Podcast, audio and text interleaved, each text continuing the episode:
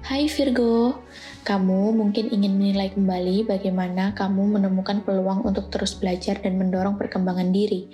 Kali ini, merenung mungkin dapat membawamu ke jalan yang baru yang memungkinkan untuk mengubah perspektifmu tentang dunia.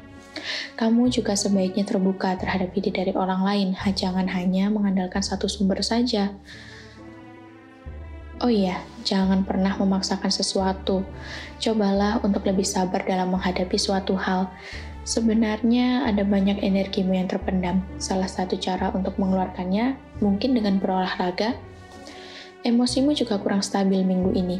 Jangan sampai kamu meledak dan menimbulkan masalah baru.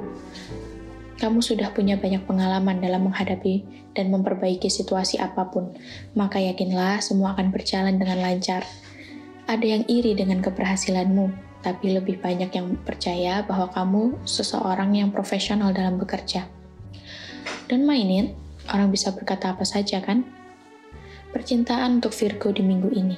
Untuk Virgo Lovebird, tidak ada yang bisa menjamin bahwa hubunganmu akan bertahan lama dengannya. Kamu juga masih meragukan cintanya. Kalau begitu, jangan kaget jika hubunganmu benar-benar kandas di tengah jalan. Untuk sobat Virgo yang masih single, kamu tidak membutuhkan seseorang yang suka basa-basi. Mungkin kamu bisa memulainya duluan, mencari tahu apa yang ingin kamu sampaikan dan bagaimana kamu mengungkapkannya kepada seseorang yang istimewa bisa benar-benar menghidupkan suasana.